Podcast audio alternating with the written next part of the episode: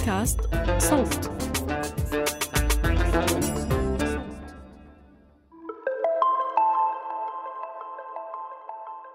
مرحبا. حلقة اليوم رح تكون عن التغير المناخي والجندر وكيف النساء هم الأكثر تضررا من التغيرات المناخية. حنعرف تفاصيل أكثر عن هذا الموضوع في هاي الحلقة اللي حتقدمها زميلتي عزة قرقس. أما أنا فرح أرجع لكم في الحلقة الأخيرة من هذا الموسم. خليكم معنا.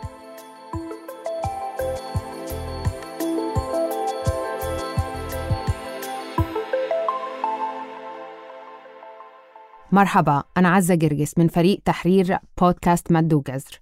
ولأن الحلقة دي هتتكلم عن المرأة وتغير المناخ فكرنا إننا أقدمها ليكم ونسمع من ناشطات وباحثات في مجال البيئة عن كيف تتعرض النساء والفتيات لأضرار بالغة بسبب التغيرات المناخية.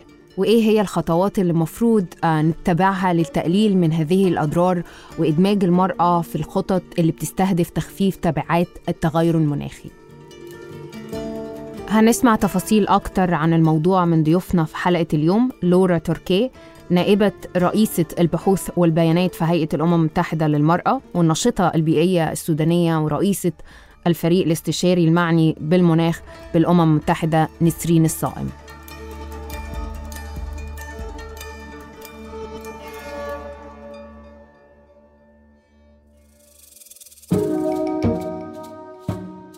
بعد سبع سنوات من شغلي بمجال البيئة والتنمية الحضرية لاحظت أنه لساتنا محتاجين نحكي عن البيئة ونناقشها خاصة أنه المحتوى العربي بهذا المجال محدود. من هون انخلق هالبودكاست. أنا علي عطاري وهذا الموسم الثاني من بودكاست مد وجزر اللي رح يتوسع في الحوار حول العلاقة بين الإنسان والبيئة وأهميتها في توازن كوكبنا. هذا العمل من إنتاج صوت بالتعاون مع مؤسسة فريدريش إيبرت.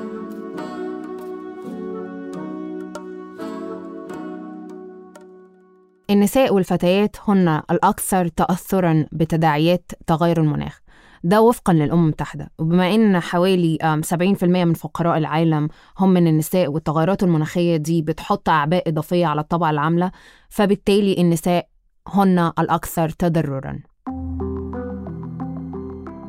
النساء أيضا مش بيشاركوا بشكل متساوي مع الرجال في صنع القرار وفي أسواق العمل خاصة في منطقتنا العربية وبالتالي هم مش جزء من صياغة سياسات لتنفيذ خطط تحميهم من التغيرات المناخية دي. قابلت لورا توركي من هيئة الأمم المتحدة للمرأة وسألتها عن برامج الأمم المتحدة الخاصة بالنوع الاجتماعي والمناخ وشرحت بالتفصيل ليه تغير المناخ يقسو أكثر على المرأة. We were really keen to include um, climate as, a, as an issue in the feminist plan. إحنا كتير um, حريصين على تضمين المناخ كقضية في الخطة النسوية كما تعرفين. العالم يصارع الآن مع أزمة كوفيد لكن المناخ هو حقا الأزمة القادمة أو هي أزمة موجودة بالفعل معنا الآن وفي أجزاء كثيرة من العالم يكون تأثيرها على النساء أشد قسوة لأن النساء تميل إلى الاعتماد أكثر من الرجال على الموارد الطبيعية ولأن وصولهن إلى امتلاك الأراضي أقل. غالبا ما يكون لديهن وصول أقل أيضا إلى الخدمات العامة والبنية التحتية وما إلى ذلك. ولأن النساء يملن إلى أن يكن أكثر عرضة للعيش في فقر ولديهن موارد أقل وما إلى ذلك. فعندما تحدث هذه الأزمة أعني أزمة المناخ فهن لديهن قدر أقل من المرونة بطريقة ما لمواجهة الأمر.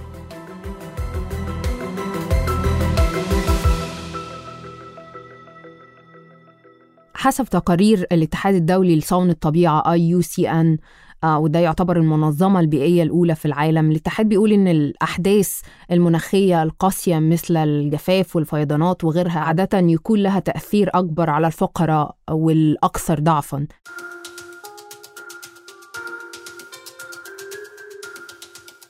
ولأن في كثير من الأحيان آه، تكون المرأة مسؤولة عن إنتاج الطعام وجمع المياه وتوفير الوقود للتدفئة والطهي.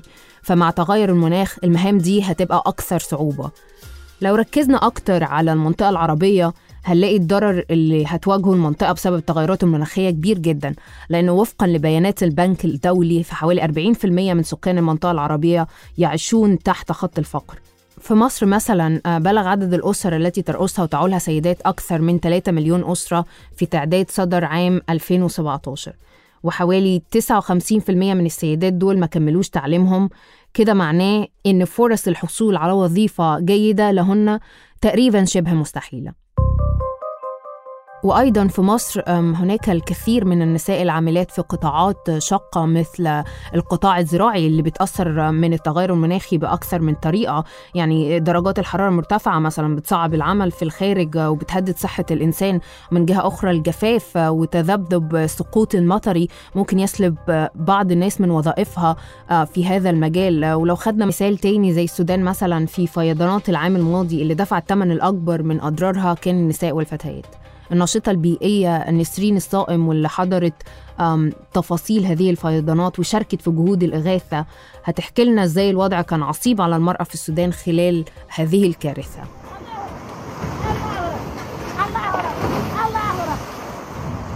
جاتنا الموت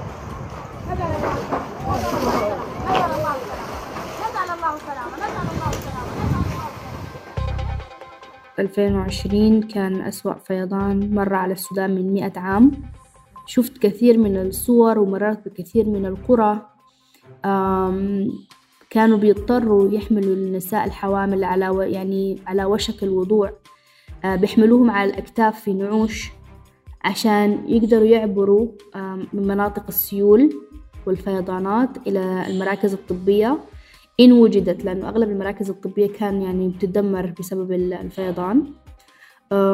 الشيء الثاني آه، الوصول للمرافق الصحية نفسها كان صعب. مش المرافق الصحية بمعنى المستشفيات ولكن بمعنى الحمامات.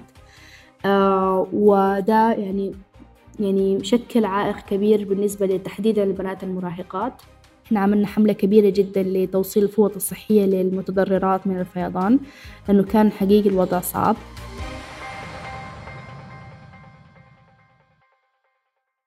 مش بس وقت الفيضانات والكوارث آه، تحملت المرأة السودانية التبعات الأكثر قسوة لا كمان في تفاصيل الحياة اليومية تواجه صعوبة شديدة في توفير أبسط الاحتياجات من أكل وشرب وبتعرض حياتها للخطر يوميا من أجل توفير المياه لأسرتها. مثال تاني في العادة النساء. هم المسؤولات من إحضار المياه النظيفة للمنزل. فبسبب التغير المناخي بدل ما يقطعوا كيلو أو اثنين كيلو في اليوم ذهابا وإيابا للبير آه، أو الترعة أو الحفير أو الوادي آه، أصبحوا يضطروا ليقطعوا مسافات يعني تعدى الخمسة كيلو ذهابا وخمسة كيلو إيابا يعني عشر كيلو فقط في رحلة واحدة للحصول على المياه. و ده خلاهم exposed أو مكشوفين لعدة مشاكل آه، مثل التعرض لاغتصابات خصوصا آه، في المناطق الطرفية والنائية آه، مثل التعرض للحيوانات المفترسة في الشوارع مثل التعرض للتوهان لأنه يعني عندما تصبح المنطقة مظلمة ليلا التعرف على الشوارع آه، والطرق يكون صعب شوية. وأيضا آه، حصل يعني تسرب كبير جدا من المدارس للطفلات لأنه كانوا بيضطروا يقضوا مدة أكبر في البحث عن المياه بعد التغير المناخي وبعد المشاكل المناخية المختلفة.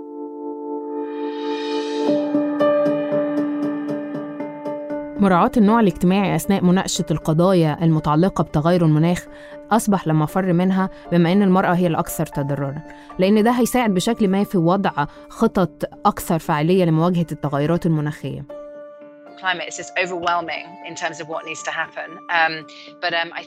قضية المناخ هي عصيبة حقا من حيث ما الذي يجب فعله. لكنني أعتقد أنه من الأساسي تماما أن تكون قضية النوع الاجتماعي والعدالة الاجتماعية بشكل عام منسوجة حقا في السياسات التي نطرحها.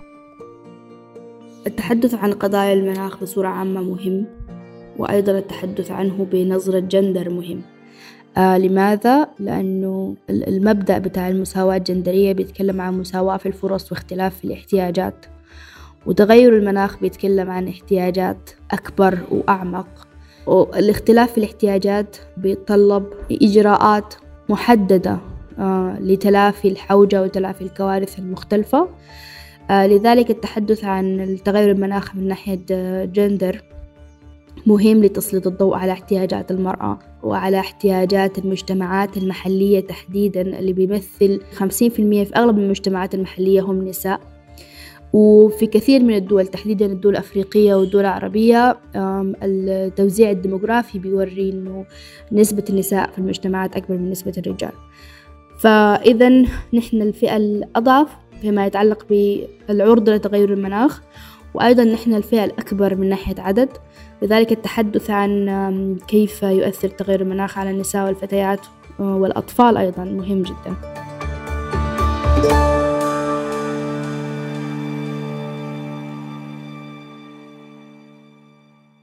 في محاولة لتفعيل دور المرأة في صياغة سياسات متعلقة بقضايا المناخ أقرت اتفاقية الأمم المتحدة الإطارية بشأن تغير المناخ بأهمية إشراك النساء والرجال على حد سواء في تطوير وتنفيذ السياسات المناخية الوطنية التي تضع نوع الجنس في اعتبارها. ولكن ده لسه مش كافي لتخفيف الأضرار التي تقع على المرأة بسبب التغيرات المناخية. لورا بتحكي عن إيه اللي ممكن نكون محتاجينه فيما يخص المرأة وتغير المناخ؟ مبدئيا تحاول معظم الأموال التي يتم تخصيصها للتخفيف من انبعاثات الكربون وهو هدف مهم بالطبع بشكل واضح. لكن العديد من البلدان في العالم بما في ذلك منطقة الشرق الأوسط وشمال أفريقيا تتعامل بالفعل مع هذه الآثار القاسية للغاية. وحتى في الولايات المتحدة لدينا هذه الظواهر الجوية الشديدة والحرائق وما إلى ذلك. لذلك من المهم الحصول على المزيد من الأموال والتمويل للتكيف. التكيف مع الأشياء التي تحدث بالفعل. أشياء مثل دعم النساء لتنويع مصادر رزقهن وفي الوظائف. نحتاج أيضا إلى علم البيئة الزراعي لتوفير تقنيات مقاومة للتغير المناخي في الزراعة وإنتاج الغذاء. والنساء بالطبع ممثلات تمثيلا كبيرا في قطاع الزراعة وما إلى ذلك. من المعوقات اللي بتقف قدام النساء والفتيات في منطقتنا وبتمنعهم من إنهم يلعبوا دور بارز في معالجة تغير المناخ والتحديات البيئية الأخرى. هنلاقي مثلا الحقوق المقيدة لامتلاك الأراضي وصعوبة الوصول إلى الموارد المالية والتدريب وأيضا عدم التواجد في مناصب صنع القرار السياسي.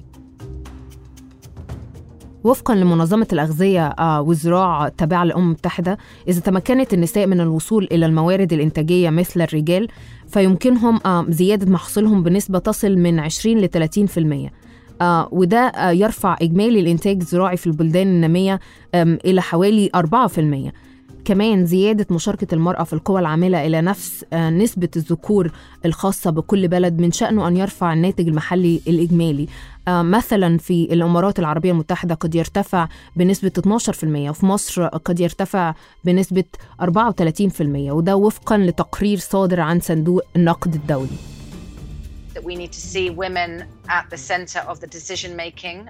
نحن بحاجة إلى رؤية النساء في قلب عملية صنع القرار بشأن المناخ. عندما تنظرين إلى صانعي القرار في اتفاقية الأمم المتحدة الإطارية بشأن التغير المناخي، مثلاً فإن حوالي الثلث فقط هم من النساء. وعندما ننظر إلى الخطط التي تضعها كل دولة لتقليل انبعاثاتها حتى تتكيف مع تغير المناخ، فإننا لا نرى ما يكفي من التحليل القائم على النوع الاجتماعي من حيث النظر إلى التأثير المختلف على الرجال والنساء أو إعطاء الأولوية للمساواة بين الجنسين داخل تلك الخطط. التحليل والبيانات القائمة على النوع الاجتماعي مهمة في إننا نحدد بالضبط نسبة التضرر بين النساء من التغير المناخي والتحرك على أساسها.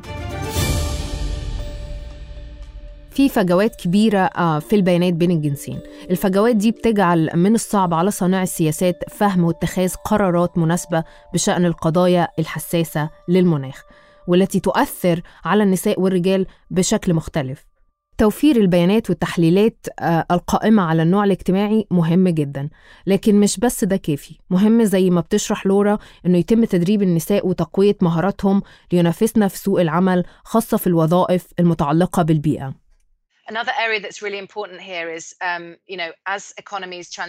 هناك نقطة مهمة حقا للتركيز عليها وهي انتقال الاقتصاد إلى الاستدامة البيئية. سنفقد الكثير من الوظائف في مجال الوقود الأحفوري على سبيل المثال وهناك الكثير من الإمكانات لخلق وظائف في القطاعات المستدامة بيئياً. من المهم حقا أن تحصل النساء على فرصة عادلة في هذه الوظائف. وتعلمين أن النساء محرومات عندما يتعلق الأمر بالوظائف. ولذا فنحن بحاجة إلى التفكير في نوع المهارات التي تحتاجها النساء والتدريب الذي قد يحتاجنه حتى يتمكن من أن يكون لهن فرص في تلك الوظائف.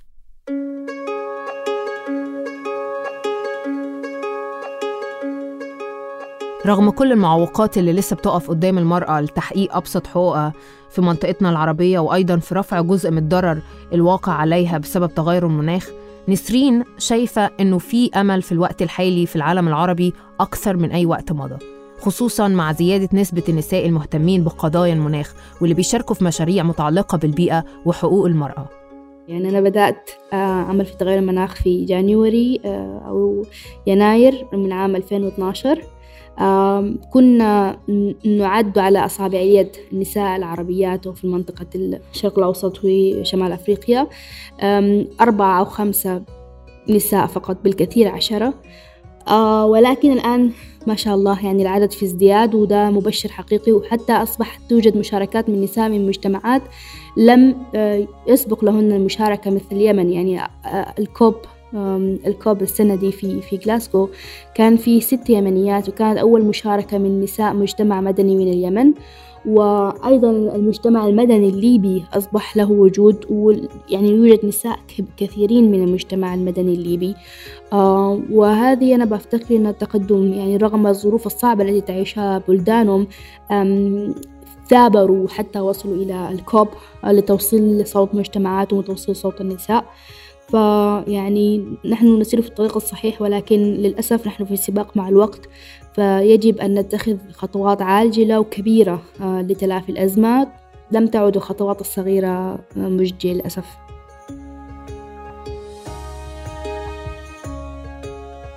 حلقتنا عن المرأة وتغير المناخ بتخلص هنا لكن لسه في حلقة أخيرة الموسم ده هنتكلم فيها عن مؤتمر الأمم المتحدة للتغير المناخي اللي أقيم السنة دي في جلاسكو. واللي كانت لسه بتكلمنا عنه نسرين الصائم. انتظرونا.